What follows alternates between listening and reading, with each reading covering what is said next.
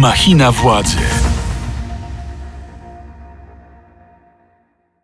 Błażej Makarewicz, witam Państwa w kolejnym odcinku podcastu Machina Władzy w Radio Z. Podcastu, w którym wraz z naszymi gośćmi staramy się zrozumieć mechanizmy rządzące światem polityki. A na łączach jest dzisiaj z nami redaktor Adam Szostkiewicz, dziennikarz, publicysta, tygodnik Polityka. Dzień dobry. Dzień dobry. Zacznijmy, panie redaktorze, od wyborów y, we Francji. Emmanuel Macron y, wygrał ten wyścig dość zdecydowanie, a świat demokratyczny, europejski, ten antyputinowski, odetchnął z ulgą. I na ile ta euforia jest uzasadniona, a na ile nieco na wyrost? Euforia zawsze jest uzasadniona i nigdy nie jest na wyrost w momencie ogłoszenia wyro- y, wyniku wyborów. I obserwowaliśmy to, kto chciał jak się jednak Francuzi cieszyli. Ci pod wieżą Eiffla w oczekiwaniu na, na prezydenta Macrona, który, który po raz drugi w bardzo trudnej sytuacji jednak przekonał do siebie większość głosujących. E, natomiast oczywiście wszyscy wiemy, że emocje, euforie nie trwają długo i tak też będzie w przypadku prezydenta Francji, jego ekipy. Wszyscy też wiemy, że jego test już się zbliża następny. Nawet niektórzy mówią, że to taka dogrywka, trzecia tura tych wyborów, które właśnie mamy za sobą i które Macron wygrał. Ta trzecia tura czy dogrywka, mówiąc potocznie, to oczywiście wybory do parlamentu francuskiego w połowie czerwca. No i wszyscy komentatorzy uważają, że to jest rzeczywiście spore wyzwanie. Na razie Macron e, ma większość w parlamencie i to jest po prostu dla rządzących idealna sytuacja, jeśli mają i urząd prezydenta pod swoją kontrolą i rząd i większość i większość w parlamencie.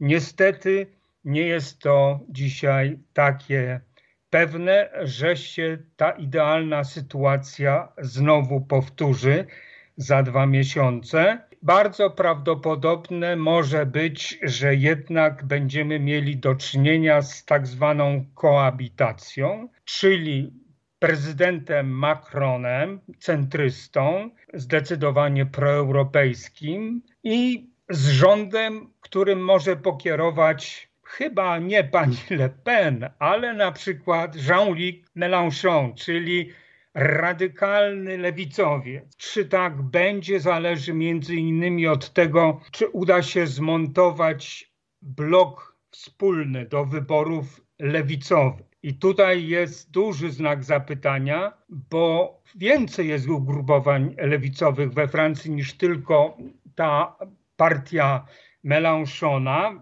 Francja nieujarzmiona, tak można by nazwę tej partii przetłumaczyć. Jest więcej, są e, socjaliści na przykład, są zieloni. Wszystko to, to są ugrupowania o powiedzmy w uproszczeniu nastawieniu lewicowym.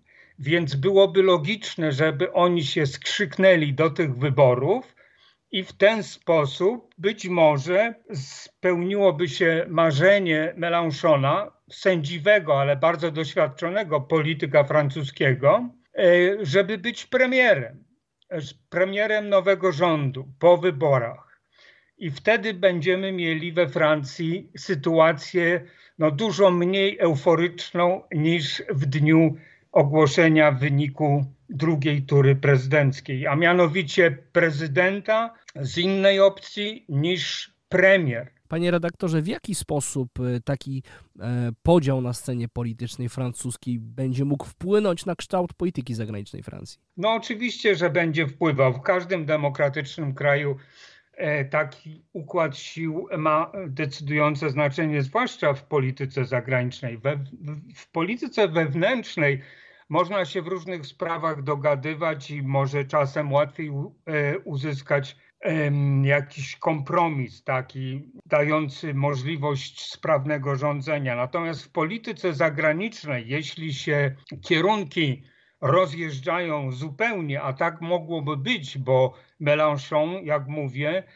jest e, radykalnie lewicowy i on na przykład ma zupełnie inne podejście do e, wyzwania, jakim jest dzisiaj e, wojna Putina w Europie niż Macron. Macron e, po pewnych ociąganiach, ale jednak włączył się do tego zachodniego frontu wspierania Ukrainy przeciwko agresji Rosji putinowskiej. Natomiast Mélenchon oczywiście od agresji się odciął, ale wcale nie wiemy, jak w praktyce by wyglądała jego polityka, na przykład, czy by dalej zaostrzał sankcje, czy e, dołączałby się do innych, których jeszcze nie znamy, one nadejdą w najbliższej przyszłości, akcji wspólnych Zachodu przeciwko tej agresji rosyjskiej. Patrząc na to już nie z perspektywy Francji, ale bezpieczeństwa międzynarodowego w całej Europie,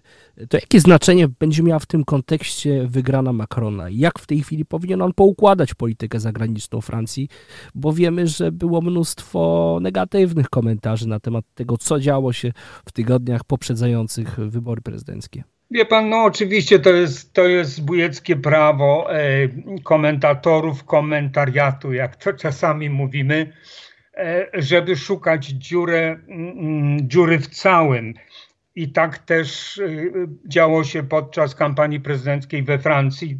Tak się działo podczas kampanii parlamentarnej w Niemczech, a te dwa kraje, czy nam się to podoba, czy nie, są ciągle dwoma filarami Zjednoczonej Europy. I oczywiście pierwsze zadanie, jakie staje przed Macronem, to jest uzgodnienie tej jego polityki e, z polityką niemiecką. No i to będzie oczywiście też spore wyzwanie, ale szanse są, ponieważ Niemcy z drugiej strony, ze swojej strony, zdają sobie sprawę, że jeśli taka współpraca nie będzie możliwie harmonijna, to projekt europejski jest zagrożony, a mamy do czynienia z sytuacją wyjątkową, wojenną, więc przypuszczam, że na tym kierunku e, Paryż, e, Berlin e, sprawy się ułożą. Zwłaszcza, że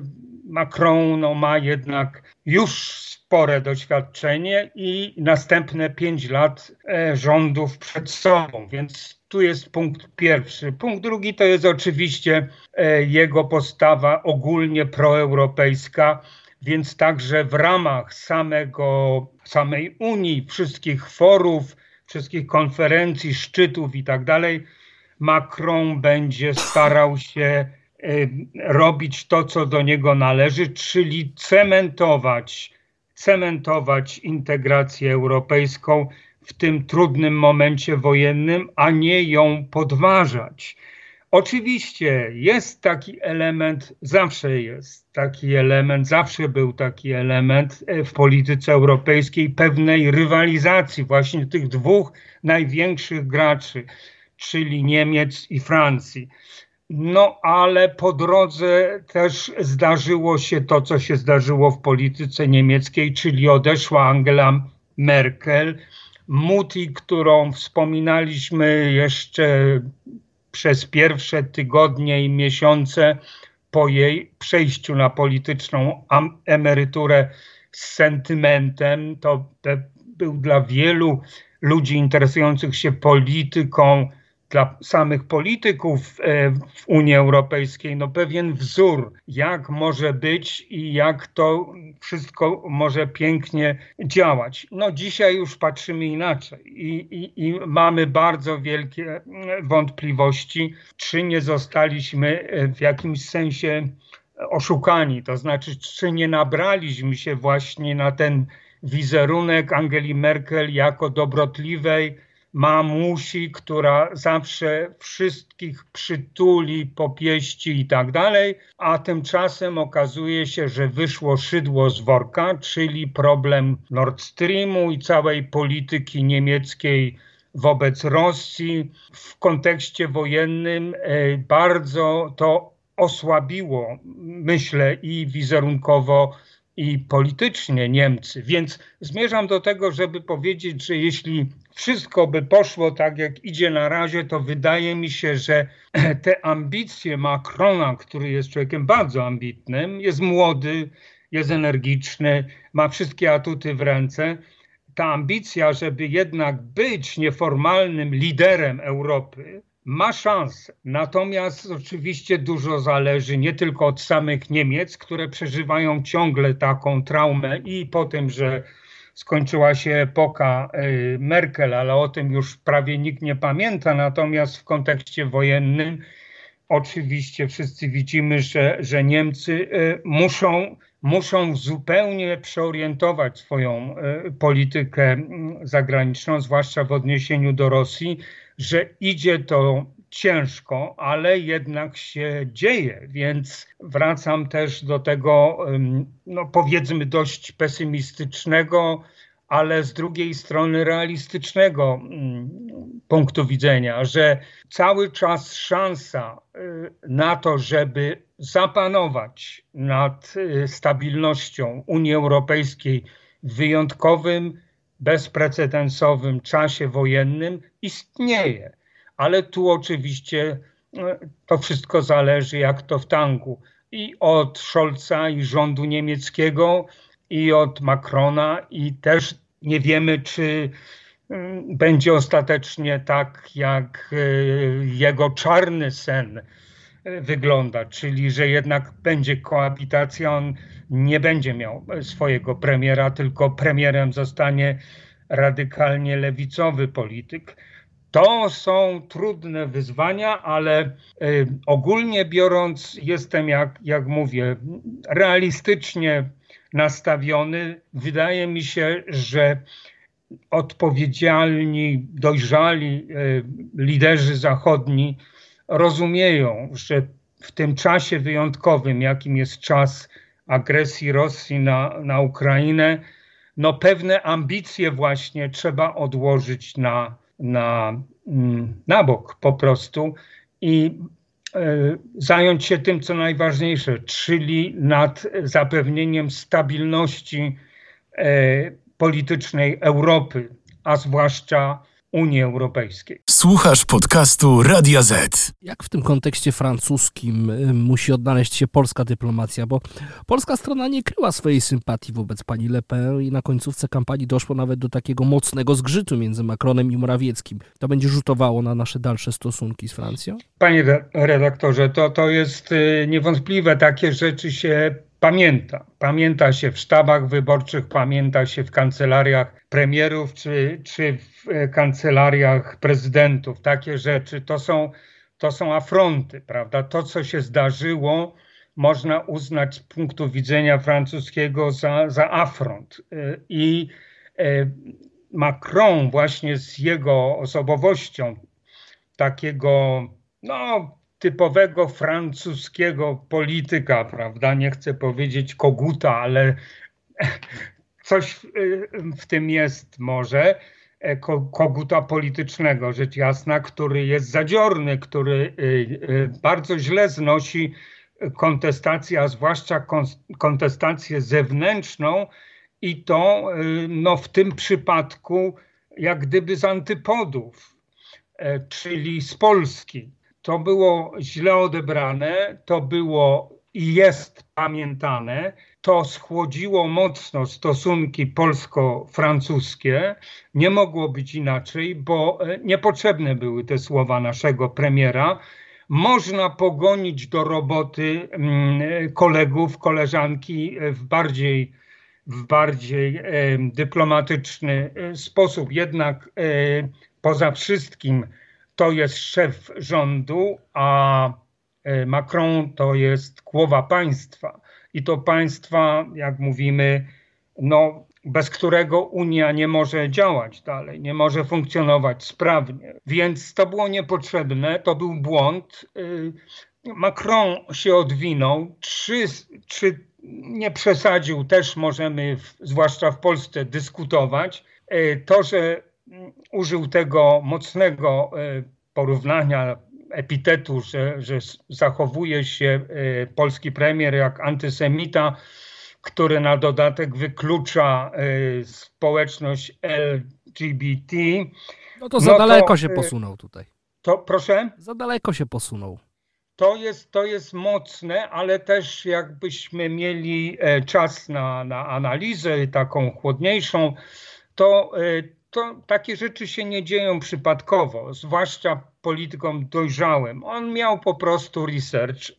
Jemu jego otoczenie przygotowało materiał, przygotowało sprawozdanie, w którym między innymi odnotowana była na pewno wizyta premiera Morawieckiego w Niemczech, gdzie składał e, kwiaty na grobach tam pochowanych żołnierzy Narodowych Sił Zbrojnych, którzy rzeczywiście, jak ustalenia, badania historyczne wykazały, no mieli na, na, na sumieniu różne niepotrzebne zabójstwa także Żydów w czasie oczywiście okupacji, w czasie wojny II światowej na, na, na naszych terenach. Więc, y, a z kolei y, ten wątek ideologii LGBT odbił się szerokim echem e, w świecie zachodnim i też e, bardzo nam wizerunek popsuł.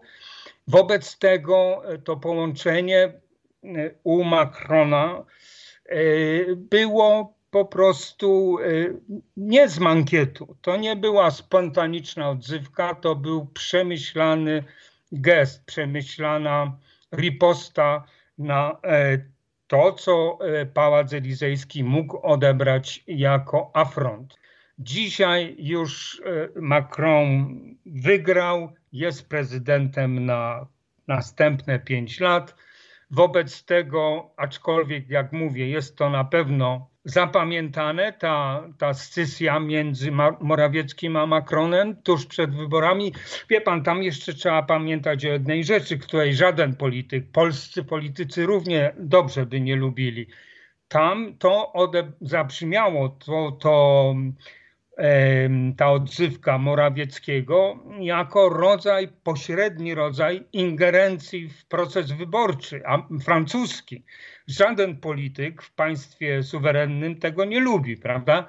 Żeby y, lider innego państwa, nawet zaprzyjaźnionego, nawet sojuszniczego w ramach Unii Europejskiej, robił takie rzeczy, mówił takie rzeczy, które wyborcy francuscy mogą odebrać jako poparcie dla tego czy innego e, pretendenta do urzędu e, prezydenta Francji. W tym wypadku wszyscy też pamiętali, tym bardziej sztab wyborczy Macrona i jego polityczne otoczenie, że e, powiedzmy oberszef naszego premiera urządził nie tak dawno temu ostentacyjną y, imprezę polityczną w Warszawie pod tytułem Szczyt Wolności, gdzie głównym bohaterem była Le Pen. Więc jak, jak e, sztaby wyborcze pracują, no to kojarzą te różne fakty i sobie myślą tak, czyli po prostu kandydatką potencjalną, a w każdym razie faworyzowaną przez obóz władzy w Polsce jest Le Pen.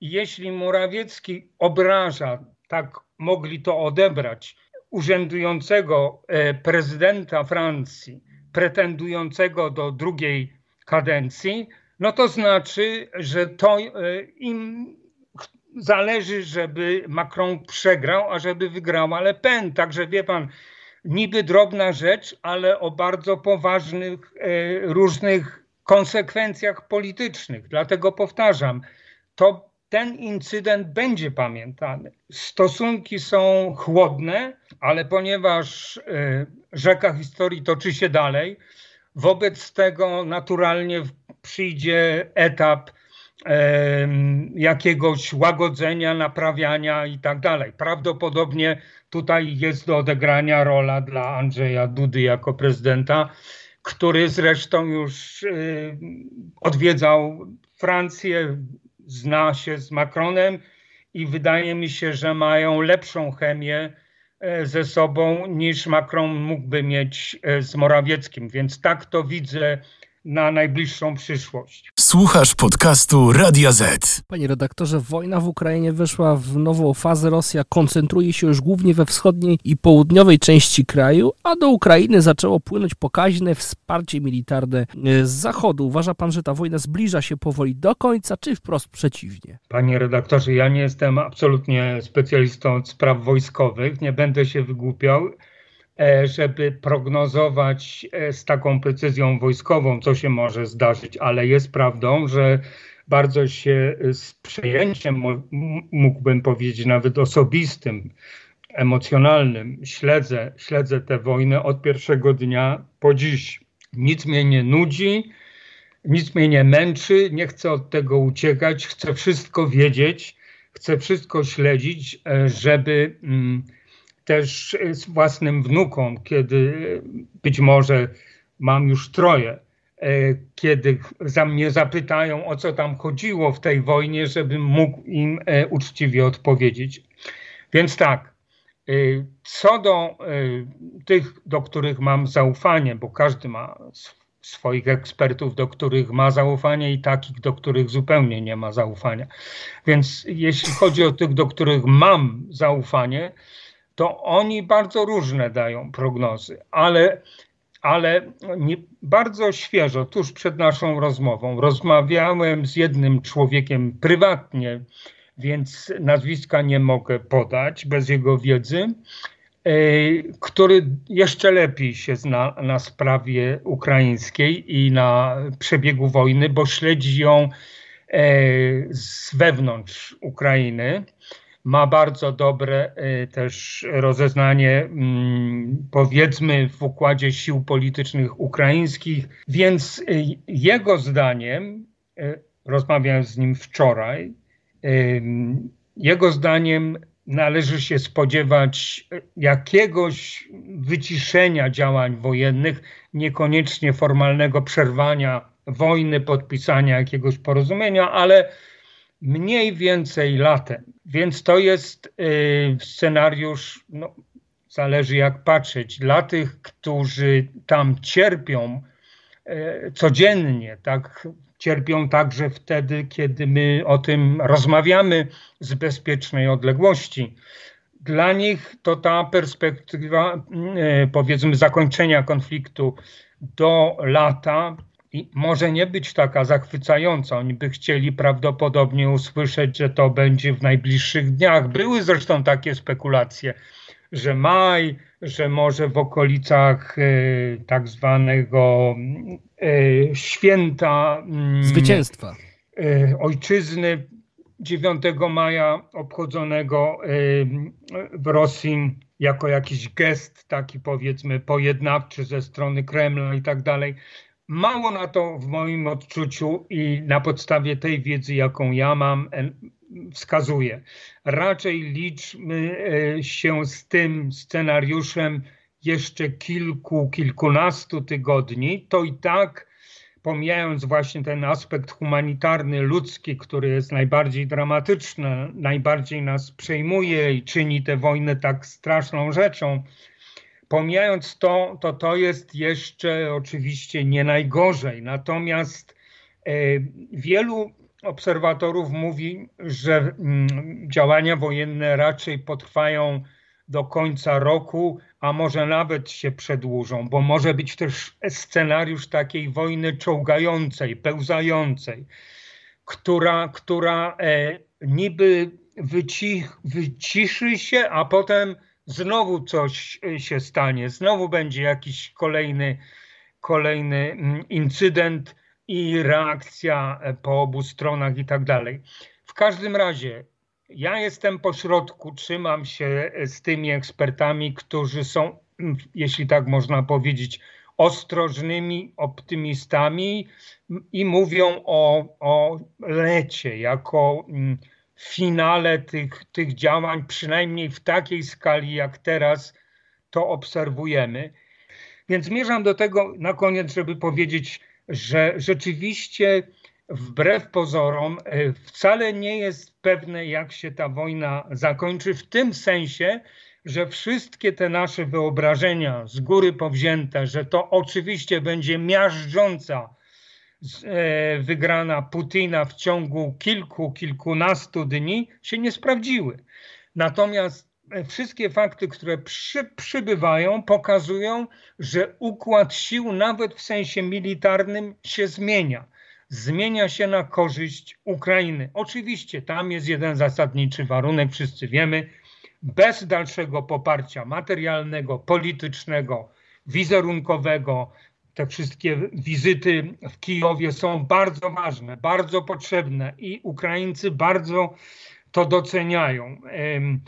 Bez tego wsparcia y, naturalnie Ukraina byłaby de facto dużo bardziej samotna niż wydaje się dzisiaj, zwłaszcza na użytek mobilizacji własnych obywateli, bo to, że Zełęński tyle razy przemawiając, co też jest swoim, swoim, e, swoją drogą świetnym pomysłem, bez precedensu. Nikt nie widział takiej wojny, w której lider zaatakowanego państwa codziennie odbywa konferencje e, e, zdalne, telekonferencje z liderami całego świata i z parlamentami państw demokratycznych. No to niesamowity i świetny pomysł.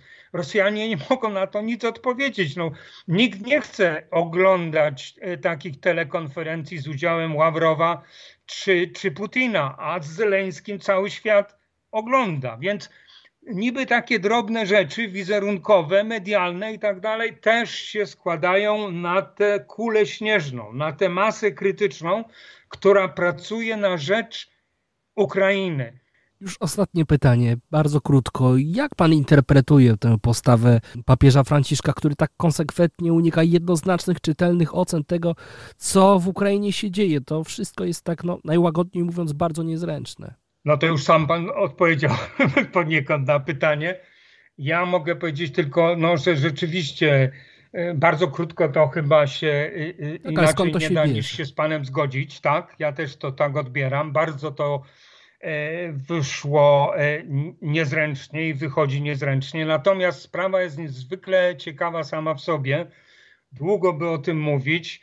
Ja się zajmuję sprawami kościelno-religijnymi, nie, nie tylko mm, katolickimi, od 40 lat i bardzo e, z wielkim zainteresowaniem i z wielką goryczą przypatruję się tej mm, polityce, bo tak to trzeba nazwać. To jest polityka watykańska na odcinku stosunków Watykanu e, z Rosją, z Kremlem, czyli z Putinem, bo dzisiaj rządzi Putin. I wszystkie argumenty przedstawiane przez e, zwolenników tej polityki, ja ją nazywam polityką ogólników i uników, a także przemilczeń, jeśli nie wręcz milczenia o tym dramacie, o tej tragedii. Cała ta polityka e, wychodzi z założeń, moim zdaniem, mylnych, że właśnie taka postawa e, leży w interesie Watykanu.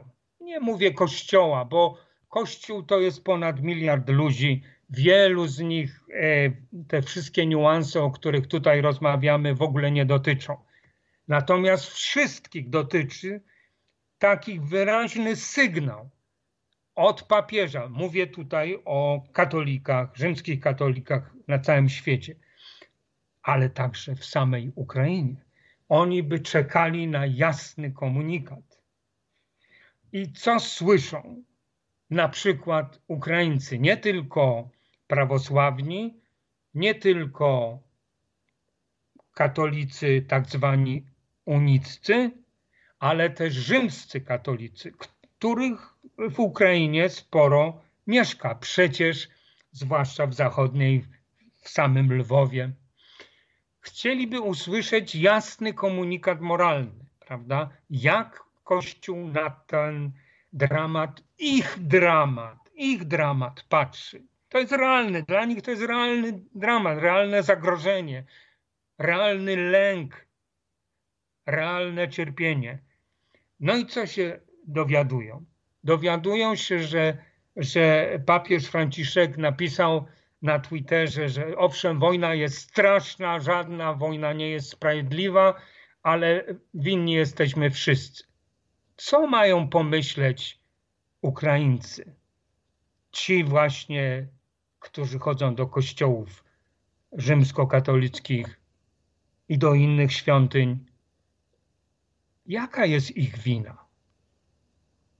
Jaka może być wina napadniętych bez powodu, bezprawnie, w porównaniu z winą tego, który napada, napastnika, który łamie prawo międzynarodowe, który dokonuje zbrodni wojennych. Niektórzy mówią, ja uważam, że to nie jest przesada, zbrodni ludobójstwa. Jaka może być ich reakcja, kiedy słyszą taką, takie słowa od samego papieża Franciszka? E, jaka może być reakcja tych, którzy tam nadstawiają własnego życia, własnego karku, ryzykują własnym życiem w okopach, e, w starciach z agresorem, kiedy słyszą wszyscy jesteśmy winni, kiedy słyszą e, wszystkie wojny są e, niesprawiedliwe, nie ma wojny sprawiedliwej, mówi papież, no to oni się mają prawo zastanowić, aha, to jaka jest ta nasza wojna? Też jest niesprawiedliwa? Ta wojna obronna? Ta wojna, której nie myśmy chcieli, którą nie myśmy sprowokowali, ale ponieważ to jest nasz kraj, nasza ojczyzna, nasze państwo, nasza wolność, to się bronimy. To co? To nie jest sprawiedliwa obrona? Więc w taki labirynt, w taką pułapkę dla mnie, e, Watykan się dzisiaj sam wepchnął, stosując właśnie generalnie tę politykę neutralności, jak oni to nazywają, a dla mnie politykę uników, ogólników, przemilczeń, co się dzieje. Więc y, uważam, że y, to jest zła rzecz, która się przytrafiła pontyfikatowi Franciszka. E, papież Bergoglio zaczynał bardzo Naj, dobrze. Najgorsza chyba dotąd. Właśnie. Miał, miał e, doskonałe e, notowania, były wielkie oczekiwania po konserwatywnym pontyfikacie papieża Wojtyły. Spodziewano się potem papieża Benedykta, spodziewano się, że to będzie taki powiew pewnej, pewnej liberalnej reformy. E, odnowy, może tak. Nie, nic z tego nie wyszło, a ta, ta mm, postawa właśnie unikania tego jasnego opowiedzenia się przez Watykan, bo to nie jest tylko Franciszek, ale Franciszek to firmuje i nie, nie dystansuje się. Politykę układają inni, ale on ją firmuje. E, no więc ta postawa zaciąży na ocenie całego pontyfikatu i może przechylić tę wagę na niekorzyść w tej ocenie całego pontyfikatu papieża Franciszka.